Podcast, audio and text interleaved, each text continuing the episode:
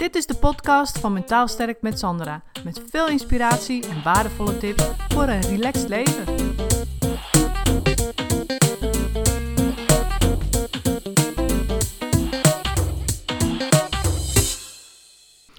Ik weet niet hoe het met jou zit, maar ik was vroeger heel erg geneigd, uh, toen ik nog geen psycholoog was, om eigenlijk alles wat ik deed, wat mij heel erg hielp, of waar ik heel erg van genoot, om dat eigenlijk als een soort van um, ja, zaligmakend iets, weet je wel, te maken. Ook voor een ander. Dus het was echt zo van, weet je, ik, ik reisde heel veel en uh, ja, daar genoot ik natuurlijk heel erg van. En dan had ik wel mensen om me heen, of kennis of vrienden, die zeiden van, oh ja, dat is gaaf en leuk. En dan zei ik, ja, ga het dan ook doen. En dat uh, is toch leuk. En, uh, maar ja, die deden dat dan niet. En dan snapte ik helemaal niks van. Ik dacht van, joh, weet je, en ik maar overhalen van, joh, ga dan ook eens. En, of uh, ga, ja, begin dan ergens gewoon een keer met een reisje. En dan doe je het zo, en dan doe je het zus, en dan doe je het zo. En dan ging ik ook nog helemaal vertellen hoe ze dat dan het beste konden doen. En ja, uiteindelijk deden ze dat helemaal niet. Nou, en dat, dat, dat begreep ik dan niet, weet je wel. Dus dan kwam ik er nog heel vaak op terug ook. En dan ging dat maar door. En uh, tot ze het misschien een beetje zat waren. Maar ja, dan ging ik toch weer op reis. Dus en dan kwam ik weer terug, helemaal vol met verhalen. En dan had ik weer hetzelfde advies. En het schoot allemaal maar niet op, weet je wel. En het is net zoiets als je dan tegen iemand zegt die uh, bij een dokter onder behandeling is. Dat je dan, dat hij heel erg, ja, uh, luistert naar wat die dokter zegt. En bezig is met behandeling of wat dan ook. Dat je dan tegen die persoon gaat zeggen van ja... Um, Misschien is een alternatieve genezer wel beter voor je. Weet je? Dat die mensen ook zoiets hebben. Ja, maar hallo, daar ben ik helemaal niet mee bezig. Weet je? Dus dat is heel erg trekken aan iets wat mensen toch niet willen of toch niet gaan doen.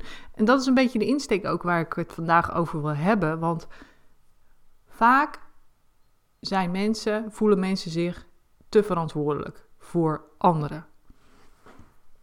Dus ik zie natuurlijk heel veel mensen in mijn praktijk die daar last van hebben.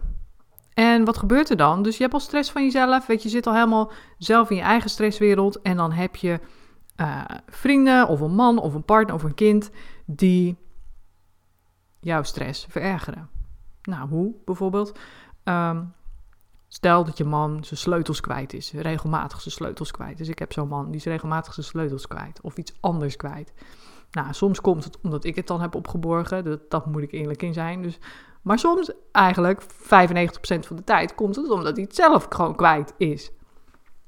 En um, dan heeft hij stress. Weet je, dan is hij aan het zoeken. vaak zijn het de autosleutels of zo. Echt wel dingen dat je zegt, is wel handig als je die weer hebt.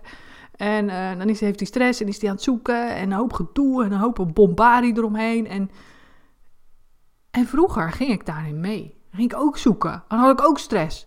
Toen dacht ik, ja, shit, die sleutels en hoe kan het nou? En, maar nu, nu denk ik, weet je, jouw probleem. En dan kun je zeggen, ja, maar ja, is toch niet aardig? Maar wacht maar, ik kom er zo op terug. Want stel nou dat je bijvoorbeeld uh, niet alleen zo'n partner hebt, maar ook bijvoorbeeld een kind. Die is ook dingen kwijt. Of die uh, heeft ineens een lekke band. Of die is iets vergeten. Die komt op school en die komt erachter, ik ben mijn wiskundeschrift vergeten. Of hij heeft zijn huiswerk niet af en een probleem met de leraar, weet je. Nou, en hij, hij of zij komt naar jou en die vraagt uh, hè, om, om, om jou daarbij te... Die vraagt om hulp, van goh, wil je bijvoorbeeld even mijn wiskundeschrift komen brengen? Want nu kan ik niet verder met wiskunde. Nou, dan kun je dat doen. Of als hij een lekker band heeft, dat je zegt, nou, ik breng je wel even. Opgelost, zou je zeggen. Hartstikke handig, toch? Ja, maar ja. Wat gebeurt er? Meestal dat zijn dingen die dus uh, gewoon uh, spontaan gebeuren. Dus ad hoc reageer je erop. Je laat alles uit je handen vallen. En je gaat rennen. Je, gaat, je springt in die auto. En je de kind naar school. En uh, je springt in die auto wiskundeschrift afgeven. Ik noem maar wat. Maar ja, wie heeft er dan de stress van? Juist, jijzelf. Dus stel dat je niet alleen zo'n partner hebt en een kind. Een partner die zijn kwijt is. Een kind die zijn wiskundeschrift vergeet. Maar ook nog eens een vriendin die bijvoorbeeld in scheiding ligt. En die vriendin die vraagt aan jou van, goh, kun je af en toe eens op mijn kinderen passen? En tuurlijk, ja, zeg je, ja, ja, ja, want je wil helpen natuurlijk, je wilt helpen. Dus ja, ja oké, dus je zit regelmatig met die kinderen. Nou, en dat gaat goed. Dus ze vraagt het vaker. En je denkt, ja, kan het nou niet maken. Zo gedoe met die scheiding, want heel verhaal eromheen. Dus ja, je doet het nog maar eens. En Weet je, je denkt, nou, ik moet even boodschappen doen. En je zegt tegen die vriendin, joh, als jij nog boodschapjes eh, nodig hebt, neem ik ze wel even mee. Weet je wel, want je denkt, ach ja, kleine moeite. Toch? Dus stel dat je die vriendin er ook nog eens bij hebt. Heb je dus ook daar stress van. En dan heb je dus niet alleen je eigen stress, maar ook de stress van een ander. En wat is hierin nou eigenlijk belangrijk en waar gaat het nou eigenlijk om? Is dat je dus dat A ten eerste realiseert van is dit nou mijn stress of is dit de stress van een ander waar ik mee bezig ben? Want weet je, het, nee, hoor ik je nu denken van joh, maar ja, je wilt toch mensen helpen? Je wilt toch niet mensen laten zitten, zeker niet mensen waar je van houdt. Nee, maar we vergeten allemaal één ding en dat is dat je niet verantwoordelijk bent voor het gevoel van een ander dus je bent niet verantwoordelijk voor het gevoel van een ander. Dat op het moment dat iemand zijn sleutels kwijt is en die heeft daar zelf stress van, dan is dat zijn stress, dan is dat zijn gevoel. En als je kind zijn wiskundeschrift vergeet of een lekker band heeft, dan is dat wel zijn stress en zijn gevoel. En als je dat dus gaat oplossen, wordt het jouw stress. Dan haal je dat erbij, zeg maar, bij jezelf. En weet je, als het om kinderen gaat, denk ik ook gewoon dat het juist belangrijk is dat dit soort dingen gebeuren, zodat ze dat zelf kunnen leren oplossen.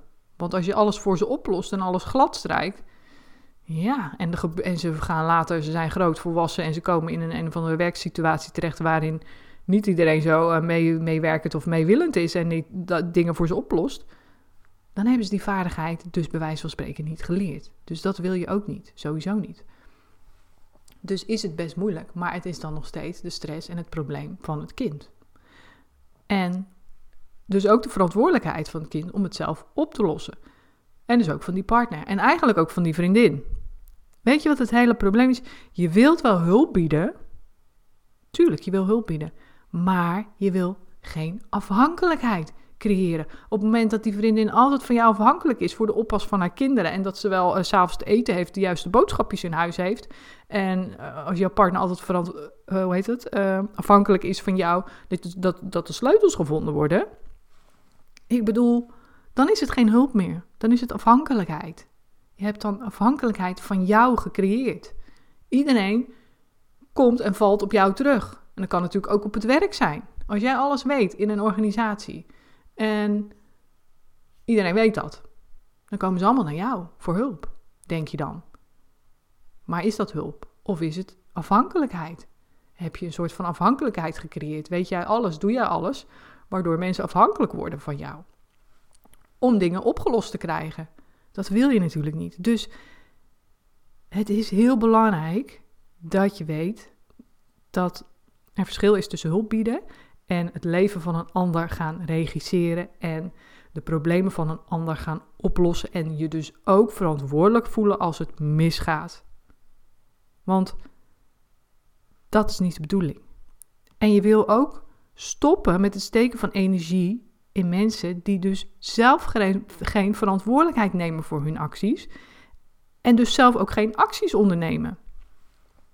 Dus als die vriendin elke keer maar weer bij jou terugkomt en niet de actie neemt om een structurele oplossing te zoeken voor die kinderen. Of de, actie onderneemt om er zelf voor te zorgen dat de boodschappen gewoon in huis zijn. Weet je?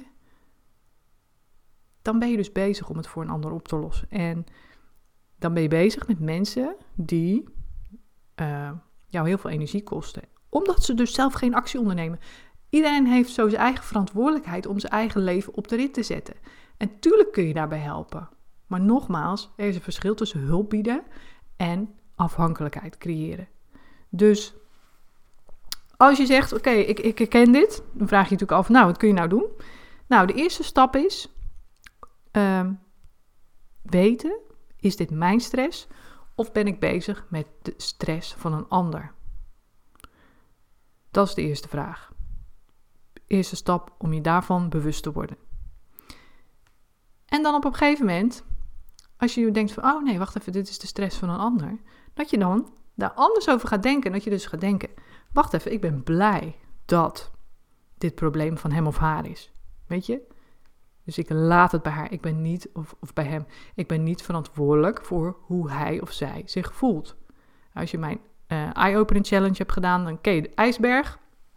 dan weet je dus hoe het zit met waar komt dat gevoel vandaan. En weet je het niet, check dan even die Eye Opener Challenge. Dan leg ik het uit.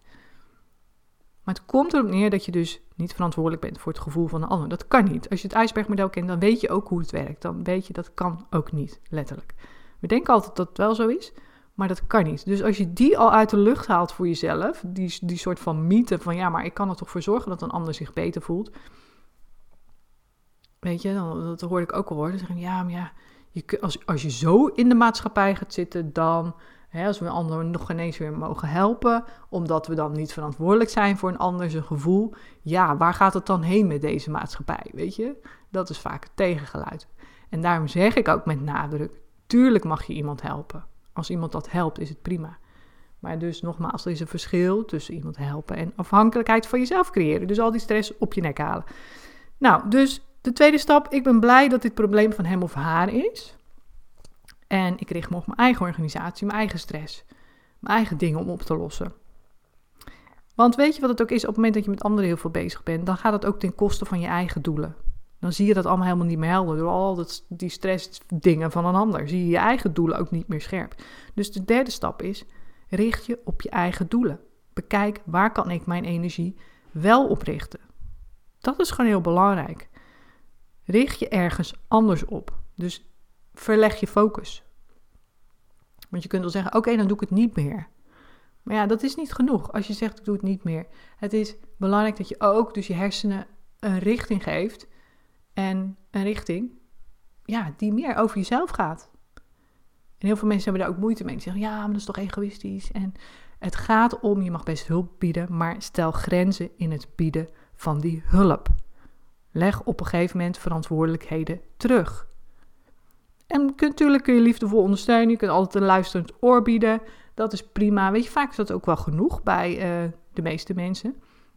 Maar um, niet die structurele afhankelijkheid creëren. Dat wil je gewoon niet. En om even terug te komen naar het begin, wat natuurlijk ook niet helpt, is mensen die niet gemotiveerd zijn om te veranderen, advies te geven. Weet je, ik heb ook wel eens mensen die worden dan gestuurd. Die, die worden gestuurd door de huisarts of door een partner of iemand anders. En die komen hier en die willen hier eigenlijk helemaal niet zijn. Nou, die zijn dus niet gemotiveerd om te veranderen. En ik kan er heel hard aan gaan trekken. Dat weet ik dus inmiddels. Maar dat helpt niet. Weet je, die zijn niet gemotiveerd om te veranderen. Dus ik ga daar ook niet mee verder. Ik ga daar niet aan trekken. En dat deed ik vroeger wel. Weet je, ik had hele goede adviezen van ikzelf. En ik was er heel erg aan trekken om anderen ook zover te, te krijgen om dat dus te gaan doen. En dan hou dan ook alsjeblieft de stelregel aan. Je kunt prima gewoon iemand advies geven. Maar als je dat één tot drie keer hebt gedaan en diegene doet er niks mee, stop er dan ook mee. Want dan gaat het jou dus energie kosten. En dat wil je niet.